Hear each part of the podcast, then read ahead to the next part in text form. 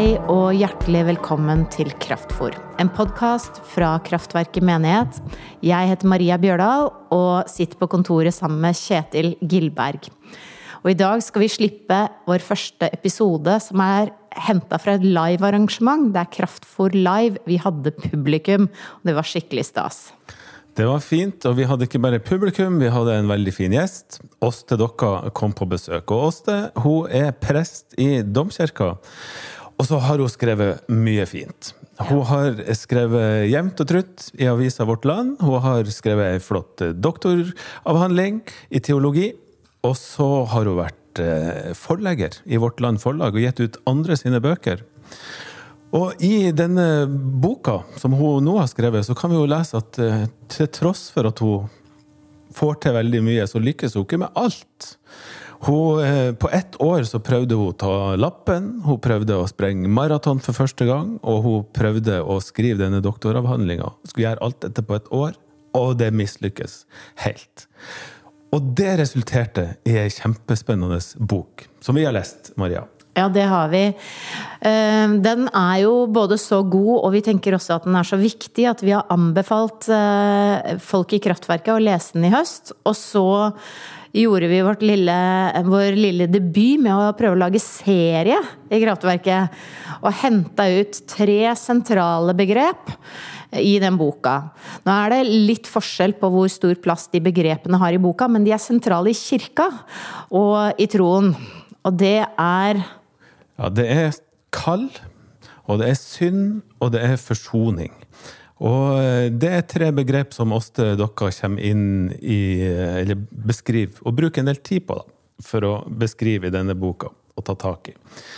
Eh, men før vi skal høre denne samtalen, eh, Maria, så eh, jeg har jo lyst til å høre litt grann, altså Først av alt, du plumpa ut med en nyhet, du, midt i, midt i samtalen, som gjorde at publikum både felte en tåre og la vekk strikketøyet. Ja, det var noen som la vekk strikketøy, tror jeg. faktisk.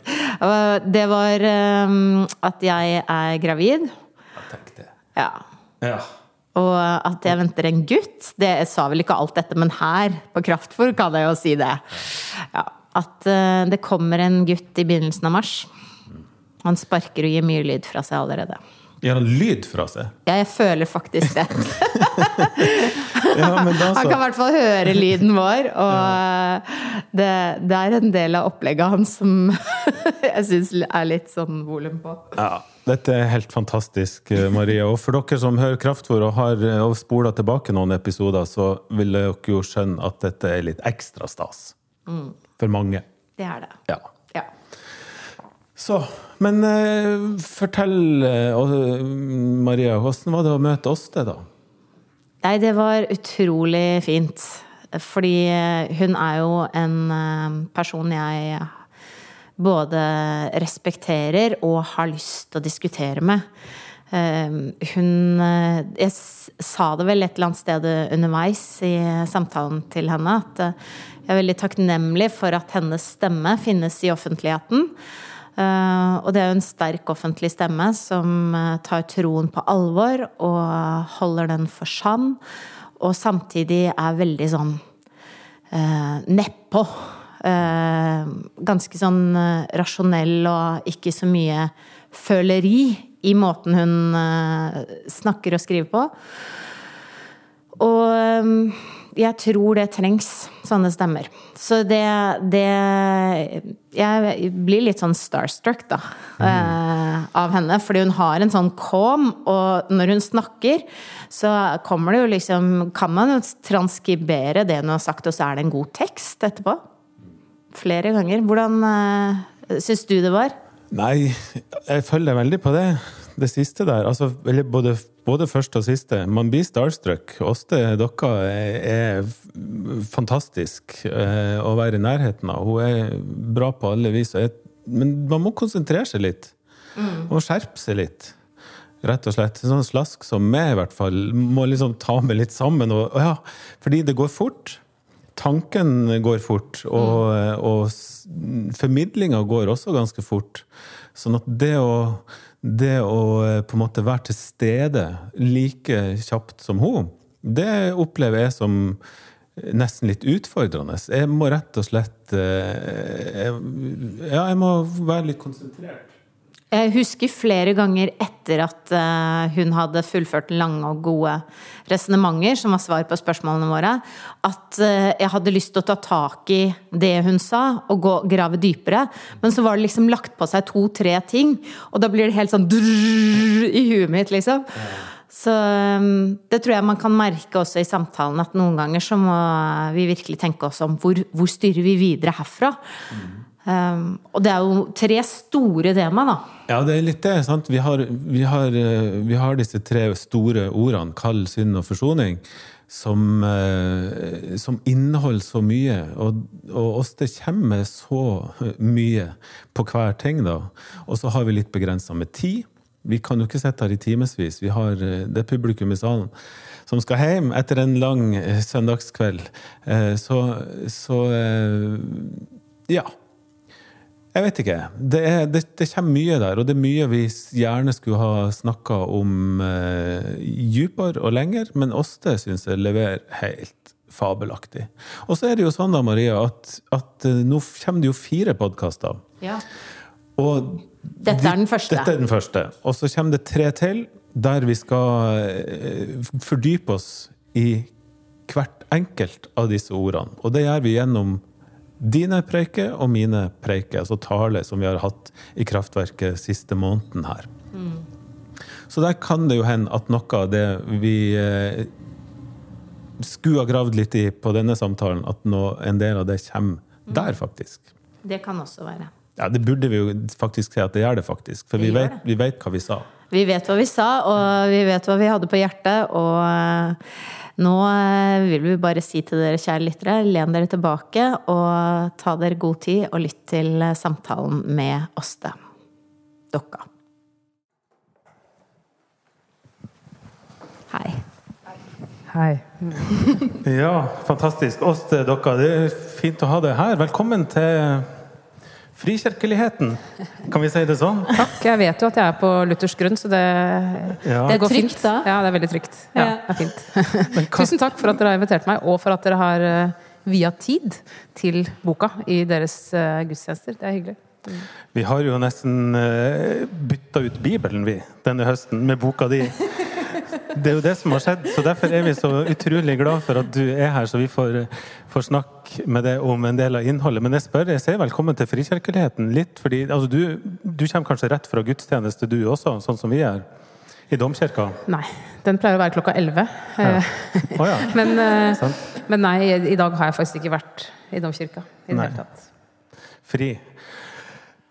Men, men åssen forhold har du til det frikirkelige? Da lurer jo litt på. Altså, er det litt sånn som er bygda? At du har hørt at det finnes, men nesten aldri vært der? Ja, det er ikke langt unna. men jeg var faktisk i, i, Oslo misjonskirke for noen uker siden. Ja. Eh, så jeg har, vært, jeg har, vært, der før, i frikirkeligheten. men eh, nei, hva kan jeg si? Jeg er jo virkelig vokst godt og grundig opp i Norsk kirke. Eh, og har tilbrakt i og for seg også tid i kristelige organisasjoner som har et litt bredere felt. Men jeg har aldri, aldri vært Vi har jo vært på lagsleir sammen. Vi har Det Det er jo nesten frikirkelig, i hvert fall nå. Ja, nå er det det. Um, det er sant, det. Ja, jeg, men jeg må si at uh, for meg var uh, Jeg har jo jobba i Vårt Land en periode, Vårt Land Forlag. Og da ble jeg nok mer liksom, kjent med folk som faktisk har en tilknytning til ulike kirkesamfunn utenfor Norske kirke. og opplever at jeg fikk en litt breiere forståelse av hva det kan bety. Eh, så, eh, så jeg eh, er nok fortsatt ganske uvitende. Og, og vel sikkert også fordomsfull. Mm. Men litt, litt, mindre enn før. Ja, herlig. Du får, vi er ikke fordomsfulle tilbake. Men Åste, nå har du skrevet bok. Dette er din første bok. Du har gitt ut masse bøker med andre forfattere, og så skriver du din egen bok. Eh, og når folk skriver sin første bok, så tenker jeg at det veldig ofte er eh, et tematikk som har ligget og ruga der i mange år, og endelig kom det mellom to permer. Er det sånn for det? Ja, mange av de tingene jeg skriver om, har jeg jo absolutt jobba med over tid og tenkt mye på og, og lest mye om. Men, eh, men eh, den ideen til at det var sånn det skulle bli, den kom ganske tett på før jeg skrev den. Så jeg gikk vel mest og venta på en idé. Jeg tenkte jeg kan sikkert klare å få skrevet en bok, men jeg må jo ha noe å skrive om. Og da jeg fikk den ideen, så tenkte jeg at dette er gjennomførbart. Ja. Hva, hva, du, hva ville du med boka når du fikk ideen? Jeg vil jo skrive fram en kristendom som forholder seg til um, alt som ikke er sånn som vi syns at det burde være. Um, og uh, gjøre det på en mest mulig ærlig måte, og uh, på en måte som jeg kunne stå helt og fullt for. Um, og som jeg tenker at kunne, andre kunne få noe ut av, og høre, høre liksom hvordan jeg hadde tenkt om de tingene. uh, ja. Men det, er, men det å spørre hva, hva, hva, ville du med boka? Det, ja, du kan jo lese den, så Jeg har lest den. så får du svaret på det. Det er vanskelig å liksom oppsummere det i en setning. Eh, men jeg vil vel peke på Jeg tenker at det fins så utrolig mye interessant og gøy i teologien. Eh, som er til veldig stor livshjelp, og som jeg tenker at i for liten grad får eh, komme folk til gode. Og det, den gleden over skattene da, i teologien, den, den vil jeg gjerne dele. En av skattene i teologien det er jo disse tre temaene som vi har fordypt oss i den siste drøye måneden i Kraftverket. Og skal vi gå dit og snakke om kall, det er altså et så kristent ord. I hvert fall klinger det innmari kristelig i mine ører. Og først av alt av oss, hva, hva, hva er et kall for noe? Sånn som du ser det. Ja, kall er jo eh, et rop. Eh, og på tysk så er jo ordet for kall beruf det er samme som ordet for yrke. Eh, og det sier noe om at det er et eller annet behov som roper. Og det å lytte til det ropet og ta konsekvensen av det, det er å følge et kall. Eh, og, og liksom, tidligere så snakka man om fete kall, f.eks. Det var jo prestegårder som var store, så man kunne få mye penger inn og sånn. Så ord, begrepet kall har jo blitt brukt om, om måte, arbeid og yrke på norsk også. Eh, men som du sier, så har det jo blitt et veldig kristelig ord. For Luther er det jo et, en helt sånn verdslig ting. Hvis du går inn i en snekkers verksted, så er redskapene hans bibel, skriver han jo. De forteller ham hva han skal gjøre, og så kan han gjøre det. Og hele poenget her er jo at um, for Luther så er jo uh, alt uh, det, der allmennmenneskelige livet hvor vi uh, er bønder eller foreldre eller for den saks skyld soldater, så, gjør, så opp, hjelper vi til å opprettholde skapelsen for hverandre. Og med det så utfører vi den tjenesten som Gud har satt oss til som mennesker. Så kall, eh, det er, det er jo å lyde ropet utenfra. Det eksterne ropet. Men hvis man på en måte skal vri det inn mot en mer sånn Hva har Gud med det å gjøre? Hvis det var det som var spørsmålet ditt Det var mitt neste spørsmål. Hva har Gud egentlig med det å gjøre? Ja. Nei, eh, det, eh, er jo at eh, det er jo Gud som har skapt verden. Det er Gud som har eh, står bak, som knytter oss sammen med hverandre i relasjoner, og som eh, har på en eller annen måte skapt dette livet hvor vi er avhengige av hverandre. Eh, og det å da gå inn i de funksjonene er å, være Guds hender i verden. så når vi Eh, er Guds medskapere ved å eh, dyrke korn eller være lærere eller hva det skulle være, så utfører vi også Guds uh, hensikt med skapelsen. Og, det tror jeg vi på en måte kan overføre helt lett og enkelt til nåtida. Og samtidig så vet vi jo at en del av de arbeids... En del, en del yrkesveier ikke egentlig bidrar til å opprettholde Guds gode skaperverk, men, men like gjerne det motsatte. Eh, så vi lever jo på en måte en litt mer komplisert verden enn det han gjorde. Eh, og vi har også fått en mye større sammenheng å forholde oss til. Altså, vi lever jo globalt. Vi vet nå om noen som sulter på andre sida av jorda. Vi vet om kriser andre steder. Eh, og dermed så forstørres også på en måte dette kallet. sånn at det kan jo også bli helt uh, uhåndterbart. Altså det er, eh, det er, jo helt uendelig. Sånn teologisk forstått så er vi jo alle skyldig alt til alle. Og det er jo ikke så lett som å bare tenke at nå skal jeg bake brød, og det er å gjøre Guds vilje. Har du fulgt et kall? Um, ja. I form av å være prest, f.eks. Det er jo en av grunnene til at kall, ordet 'kall' er forbundet med det kristelige. fordi hvem er det som vi, i hvert fall da i det frikirkelige, tror følger et kall? Jo, det er jo disse som reiser dit som ingen skulle tro at noen kunne bo. Og, og du, da, som er prest i domkirka. Eller et kall som, som forfatter, f.eks. For eksempel. det hvis man skriver om Gud, da. Har du, har du ja, har du følt et kall ved å bli prest? Eller ja, forfatter? Jeg vil jo Jeg fortolker det jo sånn selv, på en måte. Men eh, jeg tenker jo på en måte at Eller jeg har alltid tatt um, måte livsveien veldig på alvor. Altså de, de, alle valgene jeg har tatt. Jeg har tenkt veldig mye på det. Eh, hva er riktig å gjøre? Altså hva, hva er meningsfullt, og hva er riktig? Um, og og hvor, hvor, kan jeg finne ut måte, størst mulig harmoni mellom mine evner og hva jeg liker, og hva som trengs eh, der ute, og hvor jeg er mest mulig uerstattelig. Altså hvor vil det være, liksom. Og det, nå har jeg hatt kanskje sju jobber i løpet av de siste 15 åra, så det har jo ikke helt funnet det stedet. Men, men jeg tenker vel at med alle gaver som vi mennesker har, så følger det en oppgave. og Um, det reflekterer jeg mye rundt, da. Men jeg, ikke, jeg vil ikke si at ja, jeg følt et kall, for det høres ut som om ja, nå vet jeg at jeg driver og gjør Guds vilje. Det, den usikkerheten Men du snakker om sånn rop utenfra. Altså, hvordan vil du beskrive Kjenner du igjen et slags rop fra verden til deg, på en måte? Ja, altså, og ja, det ropet kjenner jeg jo på en måte hele tida, og på et mye større felt. Jeg, jeg, jeg, føler at det ropet roper på meg hver gang jeg ser en reklame eller noe fra Bufetat om at vi skal bli fosterforeldre, eller noen tigger, eller um, eh, det er et annet sted som virkelig, i Nord-Norge som virkelig trenger en prest, og som det ikke er noen som har prest. Altså jeg kjenner Det roper jo hele tida, for det er jo masse udekte behov overalt. Um, så uh, så, tenk, altså, så jeg syns at det roper eh, nesten øredøvende alltid. Så spørsmålet er vel heller hvilket kall, snarere enn uh, om det er et kall å følge, for min del. Ja. ja, men det må vi snakke om, Åste. For hvilket kall skal man følge? Og både i domkirka og i Kraftverket og alle andre kirker så vil vel en si at en har et kall til å følge Jesus i en eller annen form. Da. Det kan kanskje se veldig ulikt ut. Men hvordan, hvordan oppleves det på innsida?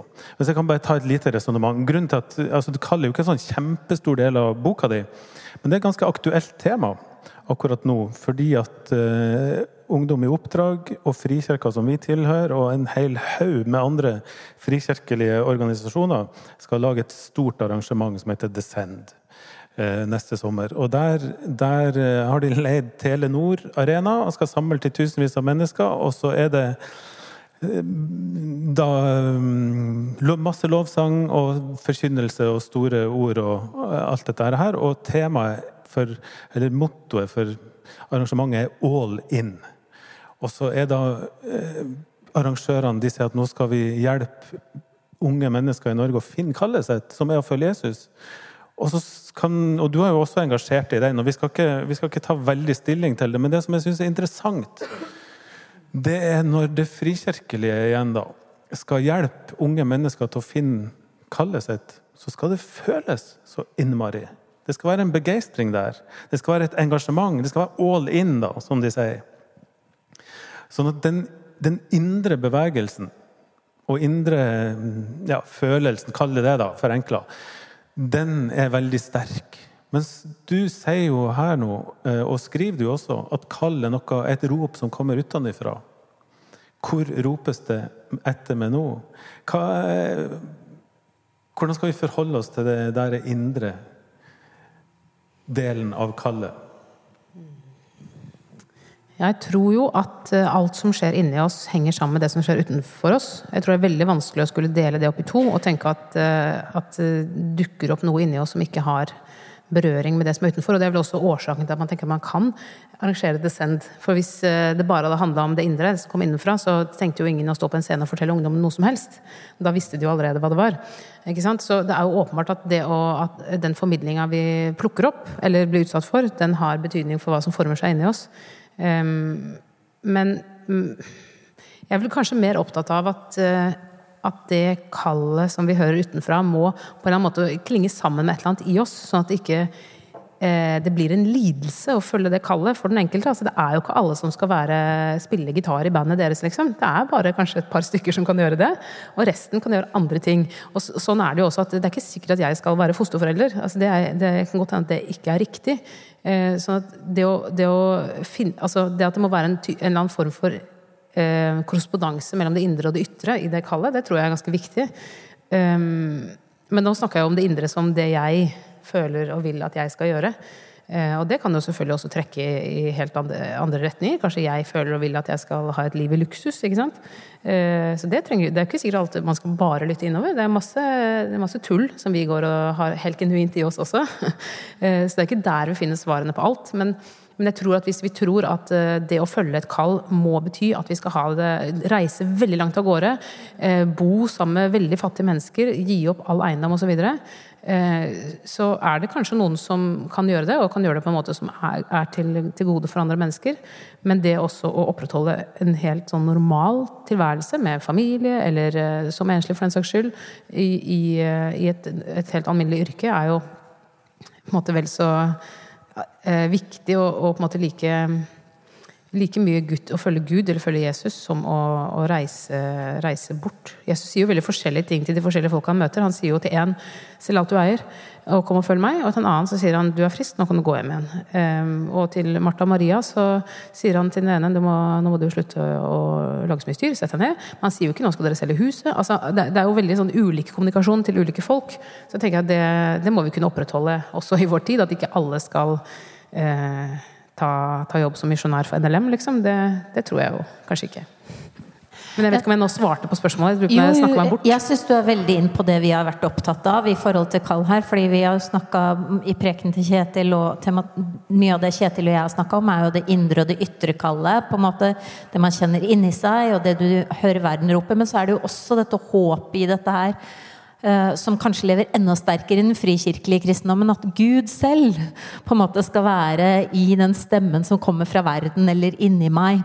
Og så um, når jeg eh, Jeg tror kanskje det jeg har lyst til å si til deg før jeg sier det jeg skal si nå, er at eh, en av de grunnene til at eh, jeg er veldig takknemlig for at du skriver, og har en sterk offentlig stemme, er jo at veldig mange prester jeg kjenner, har en litt sånn inderlig, følelsesdrevet Gud sa noe til meg en gang type kallsopplevelse. Du skyr litt unna det språket. Eh, og du skriver jo ganske eksplisitt at du ikke er et bønnemenneske og ikke har hatt noen åndelige opplevelser og sånne type ting, men så står du liksom fram med en veldig sånn sterk og klar sannhetssøkende trosstemme. Og eh, jeg blir litt rørt jeg, når jeg er gravid og har hormoner og sånn, men eh, jeg tror det er veldig viktig at det fins sånne typer som deg, da. Som tar en sterk offentlig stemme med troen.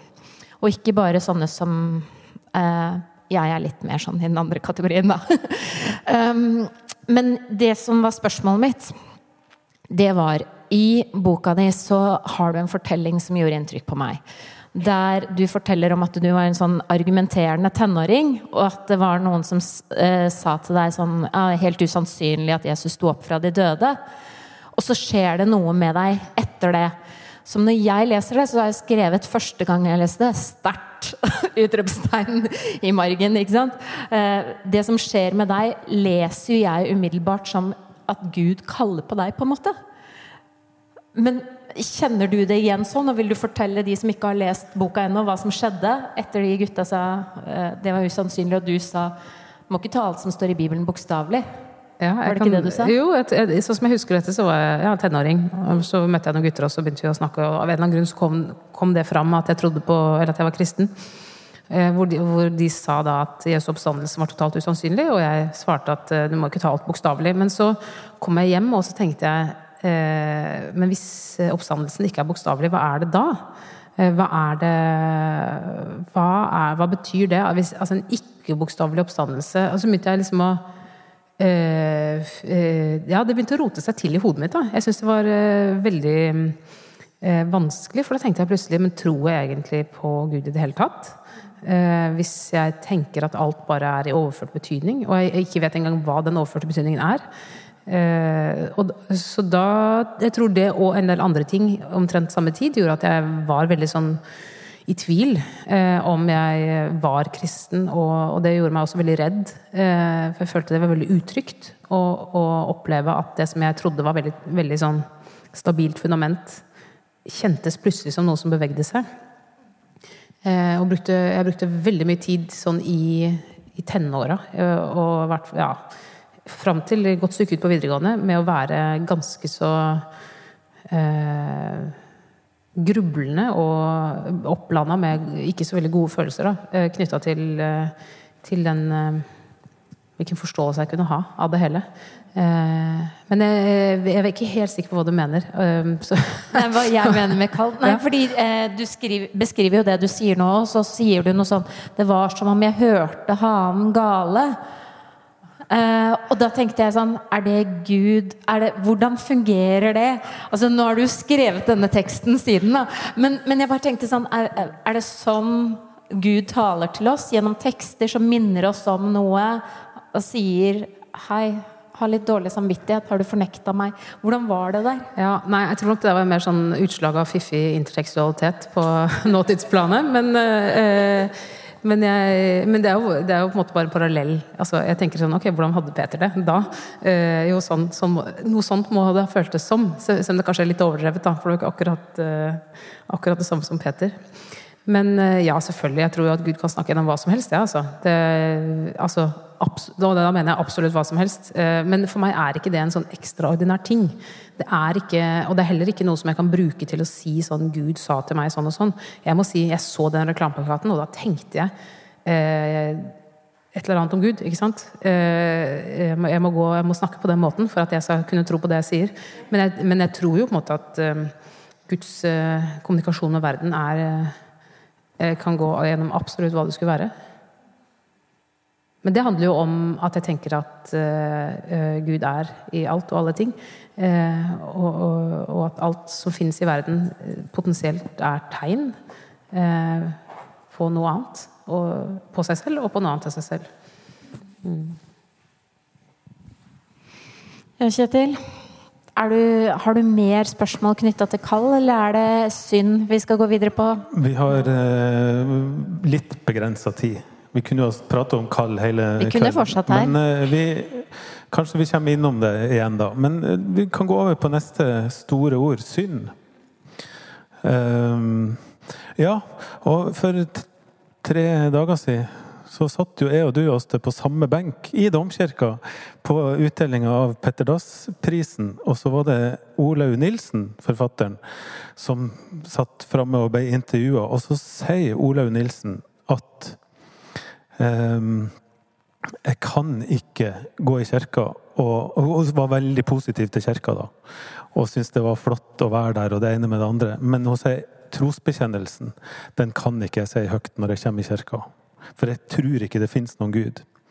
Men synsbekjennelsen, husker du det hun sa det?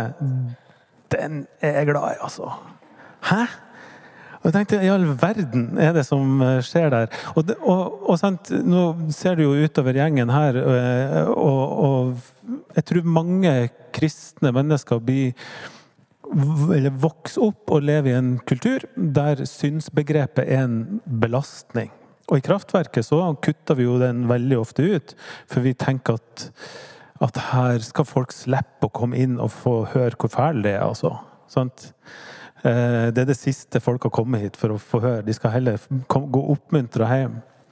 Men litt sånn som Olaug Nilsen, så når, jeg leser synd, om når du skriver om synd, og det er jo en stor del av boka, så opplever jeg at du tenker det samme som Olaug Nilsen. At den der syndgreia, det er topp.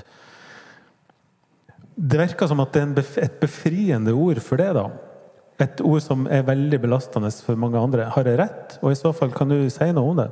Ja, det er jo riktig det. At, uh, ja, absolutt. Uh, og jeg beit meg også godt og grundig merke i det Olaug Nilsen sa. Tenkte Hvis ikke du drar den anekdoten, så kan jeg gjøre det. Her. Nå tok du det. Det var fint. Uh, for, for, meg så er det synsbegrepet et utrolig godt analytisk begrep, som ikke egentlig er avhengig av noen gudstro. til å sette ord på alt som går på tverke i verden, fra det trivielle tullballet til de virkelig store katastrofene. Eh, og de tingene som jeg har eh, aktivt skylder ved at jeg gjør eh, dumme og fæle ting. De tingene som folk gjør mot meg. De tingene som jeg gjør fordi jeg lever i det samfunnet jeg gjør. Og dermed må jeg jo, hvis jeg skal kjøpe klær, så må jeg jo antageligvis kjøpe klær som noen i Bangladesh har sydd. Og hvis jeg kjøper kaffe der, så støtter jeg kanskje et eller annet som jeg ikke vet hva er engang. Og, og pluss liksom alt som er Um, som handler om ikke mine egne valg, men, men, bare ting på samfunnsnivå. Oljefondet, eller hva det skulle være. Uh, altså alt som er feil, uh, har et navn i, i, kristen teologi, og det heter synd.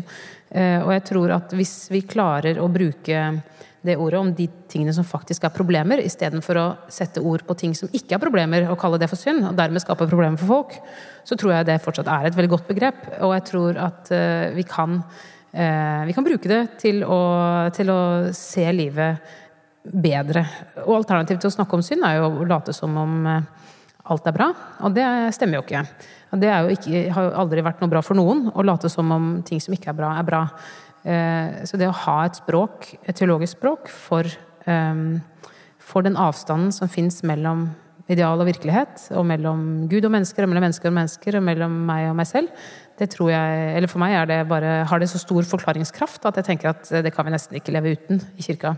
Og det er også en av de store skattene vi har. da, Og som folk som ikke har noe gudstro, tenker at det der, det er faktisk sant. Og at det, det er lett for folk å, å forstå. Og det handler jo ikke bare om liksom, moral. Det handler jo ikke bare om uh, seksuelle utskeielser eller hva som helst. Det handler jo om liksom, den store avgrunnen som går gjennom virkeligheten. Eh, hvor det er på en måte en uoverstigelig kløft mellom det livet vi lever, og hvordan Gud så for seg ting eh, på den første skapelsesdag. Men når du Nå preker du jo selv også, og det har du gjort før, og så skriver du også Sitter du ikke litt sånn og er nervøs for at du liksom eh, treffer noen gærent med denne synsfrimodigheten din? Jeg syns det er befriende, men samtidig så så kjenner jeg jo både fra sjelesorgsrommene og så mange steder eh, hvor vanskelig det begrepet har blitt. Hvordan bevarer du den eh, frimodigheten? Har du aldri vært liksom tynget av sånn eh, negativ synsforkynnelse selv? Ja, det er sikkert. Eh, for jeg husker det som en, en, en, liksom, en åpenbaring da jeg begynte å studere teologi på universitetet, og dette liksom ble tydelig for meg. At det var dette som er Luthers synsforståelse. Så jeg har sikkert tenkt og hørt om synd at det er en liste med dumme ting man kan gjøre. Og, man, det, og, det, skal man ikke gjøre hvis man er kristen. Det har jeg helt sikkert, uh, sikkert hørt. Og tenkt også. Um, men uh, selvfølgelig, altså Det sitter Du vet, aner ikke hvem som sitter i kirkebenken. Du aner ikke hvem som leser det du skriver. Og, um, og det å ha en varhet for hvordan det treffer, det tror jeg er kjempeviktig når man skal formidle. Så jeg vil jo Altså, det er jo ting man ikke snakker om i enhver situasjon, og når man snakker om noe, så må man gjøre det på en måte som Eh, hvor man forsikrer seg om at man, man, treffer eh, så godt man kan, da. Men jeg tenker jo at det å skygge unna alltid, det er heller ikke noe løsning. Mm. Men er løsninga der og Altså, jeg opplever at um, Når det gjelder kall, så Også når det gjelder kall, men også når det gjelder synd, som med kall, var det jeg skulle si så opplever jeg at eh, du ser det veldig det store bildet. Du løfter det opp fra det individuelle jeg og over til et vi. Eh, og det lurer jeg jo litt på med den synden. For det, grunnen til at synd er et tyngende begrep for folk, det er jo at, at det personlige Jeg har synda. Ikke du, jeg, ikke vi, men jeg har noe på rullebladet jeg ikke burde ha. og sånt. Men klarer du å distansere det sjøl? En ting som teolog, som forkynner, men som menneske, da? Klarer du å distansere det fra vi-et og over til det sjøl? Jeg syns at jeg er veldig sånn jeg-fokusert, ja, så det var hyggelig å høre at du mente at jeg snakka om vi. Eh, nei, for meg er alt dette her supereksistensielt. Altså, det handler om meg, definitivt. Og eh, ja, det handler om at jeg også eh, Som alle andre mennesker, men ja, jeg også gjør sånn og sånn og sånn. Eh, og tenker sånn og sånn. Og biter meg i tunga og skulle ønske det var annerledes. Og har behov for å eh, si det høyt og legge det fra meg. Og da ville jo noen sagt at eh, så bra at du er kristen, da, Åste, for da blir du et bedre menneske. Du skriver man blir ikke et bedre menneske av å være kristen. Er det virkelig sant? Ja, det tror jeg jo faktisk ja, eller, Det er i hvert fall ingen garantier. Eh, det tror jeg vi alle vet sikkert ganske godt allerede. At eh, det er jo ikke sånn at kristne har noe, med noen nødvendighet har bedre etikk enn ikke-kristne. Og eh, de som jobber i Nei til atomvåpen, liksom, om de er kristne eller ikke. Det er sikkert noen, ja, Han som var leder før, var faktisk prest. Men altså, det, er jo, det er jo masse gode krefter i verden som gjør, eh, gjør, som gjør Guds skapergjerning. ikke sant? Som ikke har noen forståelse av det de driver med, men som gjør verden til et bedre sted, og som er utrolig rettskaffende og gode mennesker. At det har ingenting med, med kristendom å gjøre for dem. Loven står skrevet i hedningenes hjerter, som Paulus skriver. Altså, det, er ikke, det, er ikke, eksklusivt for kristne å, å, handle godt og tenke godt og gjøre godt. I det hele tatt. Um, men, eh, og, og, og vi vet om kristne som virkelig eh, gjør helt uhyrlige ting, eller bare vanlig dritt. Liksom. Det, det, det, tror jeg vi alle vet veldig godt. Men selvfølgelig, i mitt eget liv så opplever jeg at jeg hele tida tilskyndes til å eh, ta bedre valg. Fordi jeg har liksom en melodi på øret som, som er den, det det er. Så min egen opplevelse er jo at det eh, det driver i hvert fall en type selvrefleksjon i meg som, som gjør at jeg, jeg hele tida ser på mine egne valg og, og, hva jeg gjør og har gjort. Som forhåpentligvis kanskje fører til at jeg handler annerledes enn dersom jeg ikke hadde gjort det eller hadde hatt det. Før vi går over til siste tema, som er forsoning, så, så eh, har jeg lyst til å spørre deg om arvesynd. For du tar inn det begrepet i boka. Og sier at ingen er uskyldig. Vi er syndere sjøl på fødestua, står det et sted.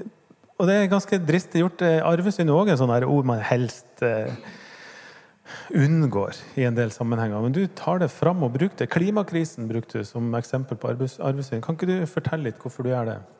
Og hvordan du gjør det? Jo, jeg tenker jo at eh, arvesynd det er et begrep som Luther henter hos Augustin. Eh, og på engelsk, er, eller, og sikkert også på latin, eh, så bruker man jo 'original sin'. Altså at ikke det er en hereditary sin, men altså det er en, noe som, som, knytter, som på en måte hefter ved menneskeheten, og som ingen, ingen kan på en måte fødes uten. Altså det, det, ligger, det er som et grunnvilkår.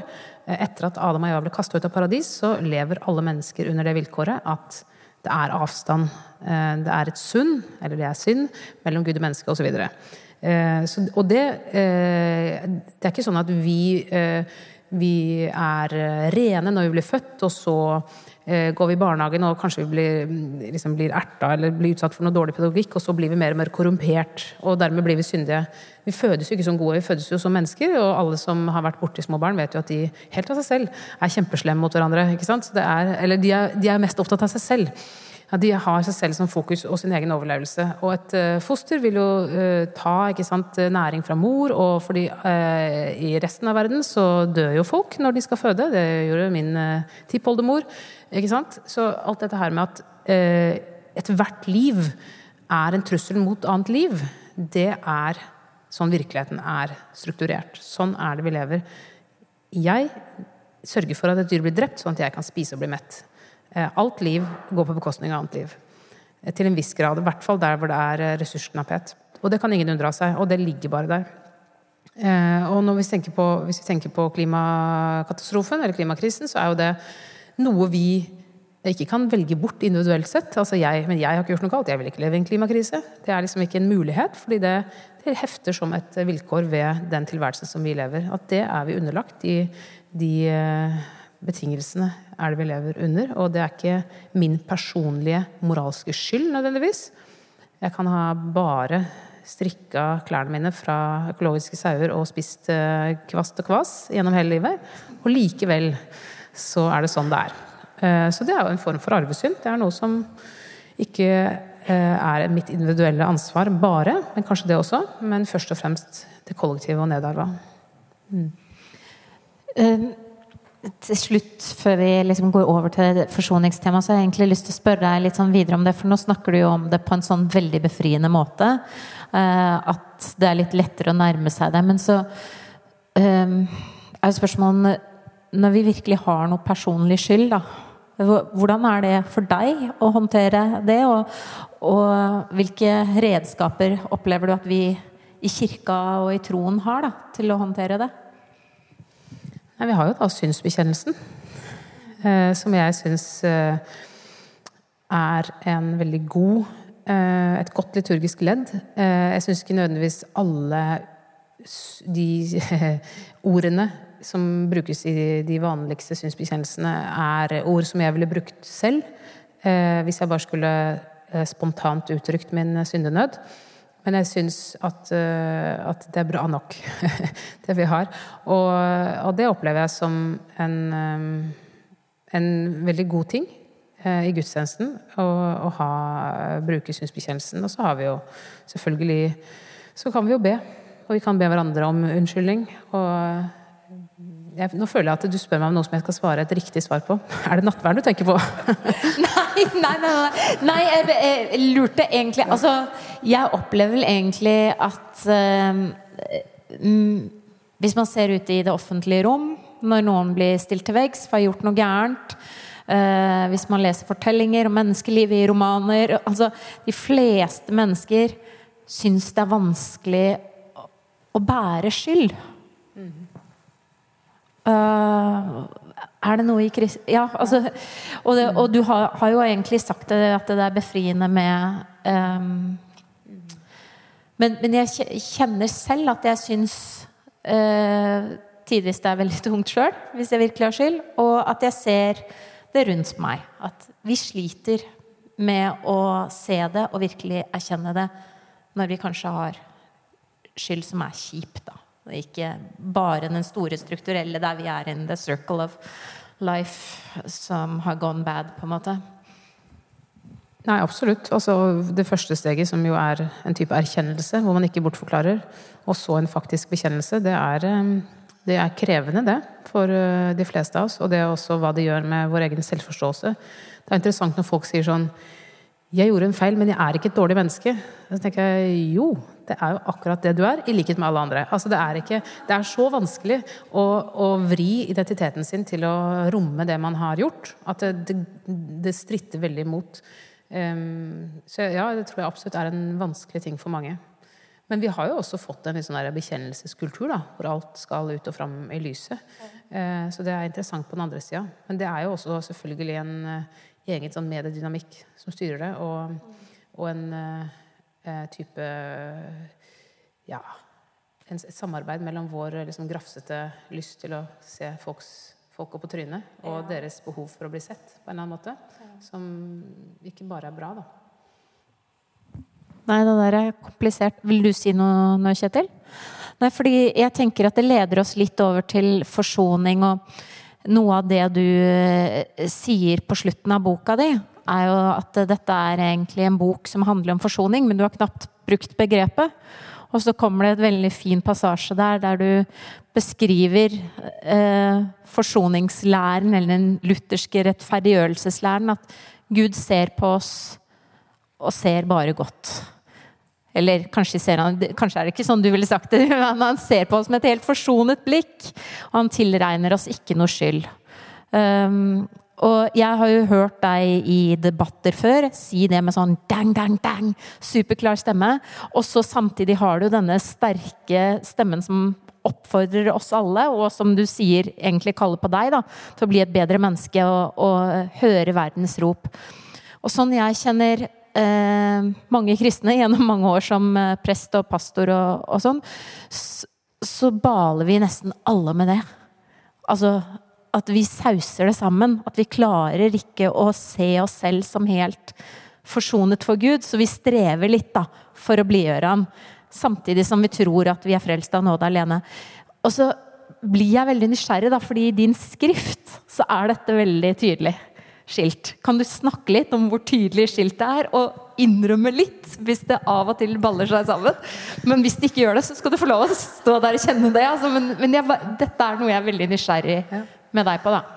Ja, det er jo som du sier, at jeg tenker at uh, frelsen den kommer fra Gud og til oss, og det er ingenting vi kan gjøre. Uh, eller det er ikke noe, Vi kan ikke jobbe på vår egen frelse, den har Gud tatt seg av, sånn at våre hender er fri til å tjene vår neste. At det er en uh, at, at, det er ingenting vi kan gjøre for å stige over kløften mot Edens hage igjen. Det er Gud som stiger over til oss og tar oss med til en ny, ny virkelighet, på sett og vis. Men, men at i det så blir vi satt fri til å tjene vår neste, fordi vi ikke trenger å, å, å bygge oss selv lenger mot Gud, eller mot liksom hva som måtte være idealene i tida. Det er kanskje ikke akkurat det folk jobber mest med nå, å bli fullkomne overfor Gud, men kanskje å bli fullkomne overfor en eller annen på sosiale medier eller eh, en annen, et annet type ideal. Eh, men ja, eh, at det sauser seg sammen. At vi tenker at hvis jeg nå liksom hva er det dere har her? Dere har sånne flyktningmiddager eller et eller annet sånt noe. hvis jeg nå er med på det, så blir Gud sikkert litt glad.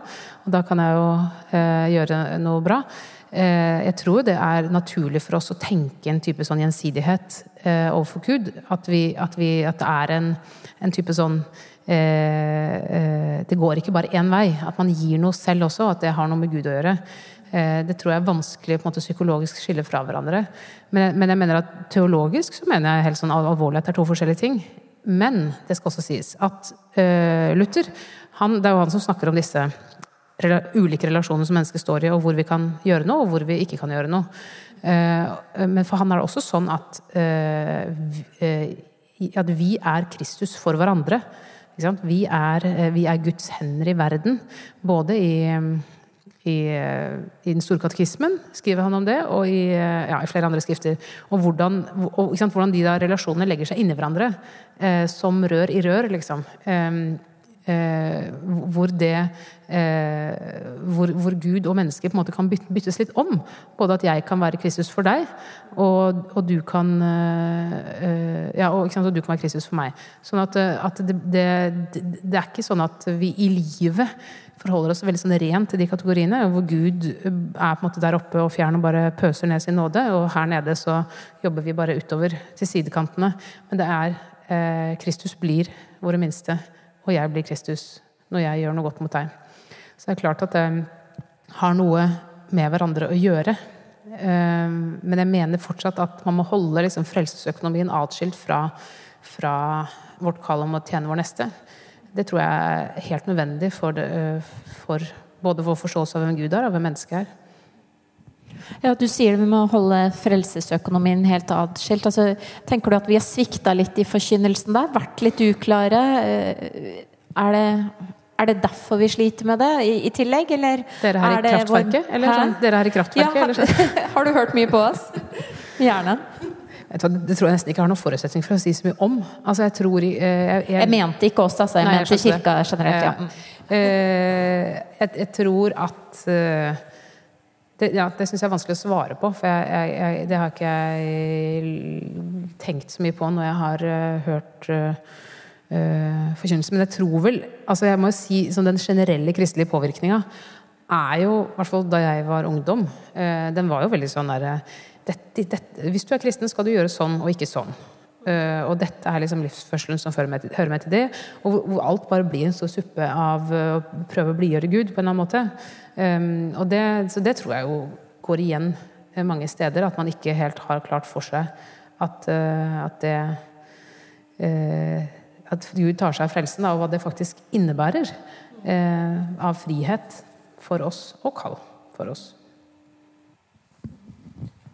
Du kjører på, Kjetil? Har du noe Ja, dere kjører jo på sånn at det var bare hyggelig å sitte og høre på en stund her nå. Men jeg mm. tenker når det gjelder forsoning, eh, så handler det på en måte tre aspekt ved det. Det ene er forsoning som er Gud, som jo du blant annet har Vi hadde en tekst i dag, og du preker om i dag, Maria. Det handler om å forsone seg med andre mennesker.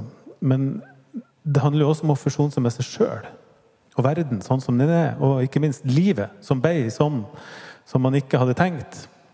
Uh, og jeg har, noe, jeg har, egentlig ikke noe spørsmål. Jeg satt bare og tenkte mens dere prata, at akkurat den siste delen der når jeg leser boka, så, så hjelper den med mer enn å forsone seg med, med, Gud og andre mennesker. Nettopp til det, siste, da. At boka er veldig god hjelp for meg å forsone meg med meg sjøl. Forsone med at sånn er verden. Sånn er livet. Ja, vi er syndere på fødestua. Ja, jeg er en dritt som alle andre. Eh, og sånn er det. Sånn at uh, dette her å leve eh, vanskeligere, da, og et vanskelig liv krever vanskelige løsninger, som du sier mange ganger.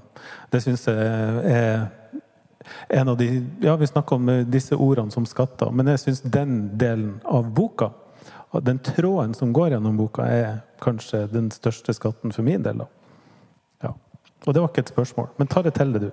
Tusen takk. Ja, men det, det, er jeg veldig enig i, Kjetil. Eh, jeg har lyst til å plukke opp akkurat dette her med tilgivelse. Fordi du beskriver jo også at eh, det at vi blir eh, sittende med ingen skyld fordi Gud tar alt sammen, det gjør jo likevel at vi, vi er mange som har opplevd ting som Gud på en eller annen måte må gjenopprette. Altså, det må skje en rebalansering, skriver du på en eller annen måte, fordi noen må gjenopprette all den skylden som alle går fri. Og det, det, det, var sånn jeg ble sittende og tenke på når jeg leste det. Så tenkte jeg sånn Hvordan skal Gud gjøre dette? Hvordan skal Gud gjenopprette og oppreise alle som eh, vi alle er? Vi er jo alle både skyldige og eh, skyldnere. Skyldige og skyldnere, gir det mening? Vi er både syndere og eh, skyldige. Både utsatt for Vil du hjelpe meg, eller? vi, er, eh, vi er vel Nei, vi er både ja. syndere og eh, vi er utsatt, utsatt for andres synd. Det var det jeg mente å si. Og så lurer jeg på øh, ja, Har du tenkt noe på dette? Hvordan skal Gud gjenopprette den delen av oss som er utsatt, som er ofre for andres synd mot oss? Som de ikke kommer til å gjøre opp for. Ja, ikke sant? for det er jo, som du sier, konsekvensen av at hvis Gud skal tilgi eh, Hvis jeg gjør noe mot deg, og så er det Gud som skal tilgi det, så må jo Gud på en eller annen måte sant, gjenreise Kjetils eh, verdighet, eller eh, hva det skulle være. Eh, og hvordan gjør Gud det? Det er jo eh, ikke noe vi vet, følgelig. Det tilhører jo, eh, det tilhører jo på en måte dommen og, og den ytterste dag. Og eh, hva det vil bety for eh, oss. Eh, hvis vi da bare går ut fra at vi er oppstandende, frelste mennesker på det tidspunktet. Altså, hva vil det bety? Hva med alle ofrene for holocaust? Hvordan, hva betyr det hvis Hitler blir tilgitt, liksom? Hvis det er det du spør om, da. Ja. Og det er jo et eh, spørsmål som jeg tror på en måte har fulgt eh, eh, kristendommen hele veien. Fordi, fordi nåden og tilgivelsen er jo kjempeprovoserende, spesielt på ofrenes vegne. Altså, hva er det de får ut av det, liksom? At Gud skulle tilgi voldsmenn. Um, uh, og det Hvordan det skal skje, det tenker jeg det, det kan vi ikke vite. Um, men uh, Jesus snakker jo om eller altså Johans åpenbaring snakker, snakker, de om altså, en ny himmel og en ny jord der det ikke skal være sorg eller gråt eller smerte. At det er en form for gjenskapelse, en nyskapelse, eh, som vil på en eller annen måte ligne eh, Guds skapertanke for verden. Men hva det er, det vet vi jo ikke, for vi jo, har jo aldri levd under de vilkårene hvor alt er rettferdighet. Um, så um, vi får se.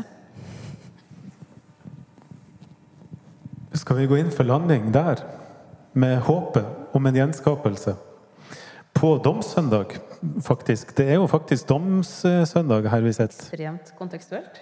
Ikke sant? Det hadde du ikke forventa i det frikirkelige åsted. um, ja, vi, vi, skal gå mot avslutning. Jeg har lyst til å si at hvis noen av dere ikke allerede har kjøpt boka dere som sitter i salen, og dere som lytter på podkast, for den del. Eh, men dette var mest til dere i salen. Det ligger masse bøker ved utgangsdøra. Ta med dere ei, og så er det et vips nummer Vi stoler på dere. Det står en pris, og så ordner det der seg. Åste er, er her en liten stund til. Hvis noen har lyst til å slå en prat, stille et spørsmål som vi ikke kom på å stille, så, eh, så er hun her lite grann.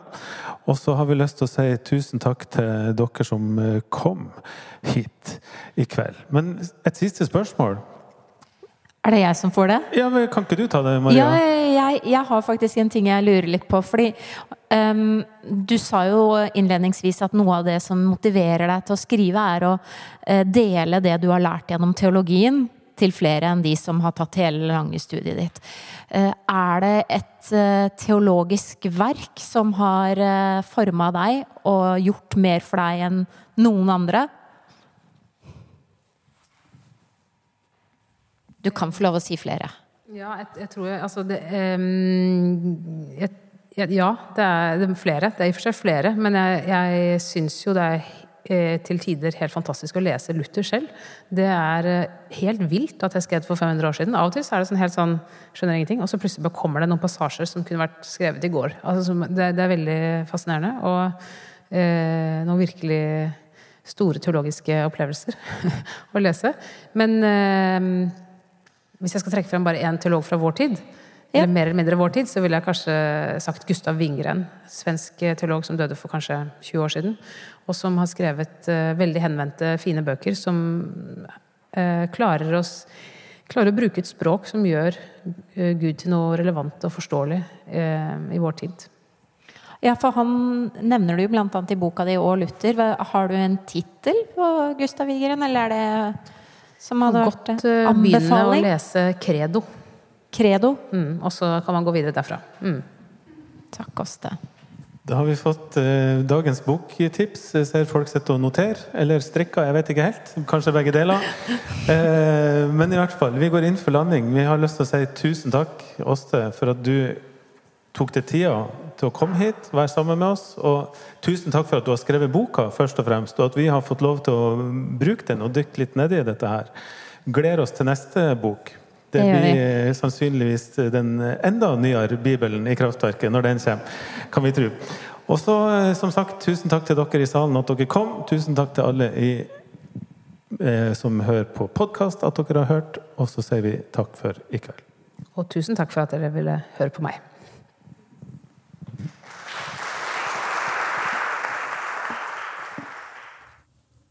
Sånn var det. Sånn gikk den samtalen, Maria. Tenk det, da, at vi hadde oss til dere på besøk. Det var stort. Ja, det var kjempefint. Det ble en fin kveld. Det ble en fin kveld. Og så fortsetter vi med en ny episode om noen få dager. Ja. Da er det din preken om synd som eh, kommer. Ja. Rett og slett. Da starter vi med å gå litt dypere inn, i hvert fall. Å jo. Vi går dypere inn i det temaet. Ja, vi får si det sånn, da. Og så eh, håper vi at mange har lyst å høre også det. Ja. Ha det bra. Hei.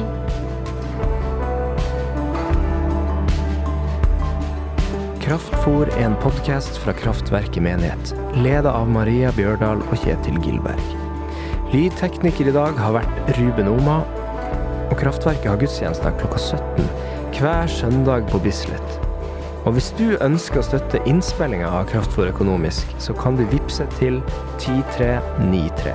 Ønsker du å gi fast til drifta av kraftverket, så kan du gå inn på gitilkraftverket.no. Abonner gjerne på Kraftfôr, og tips andre om podkasten.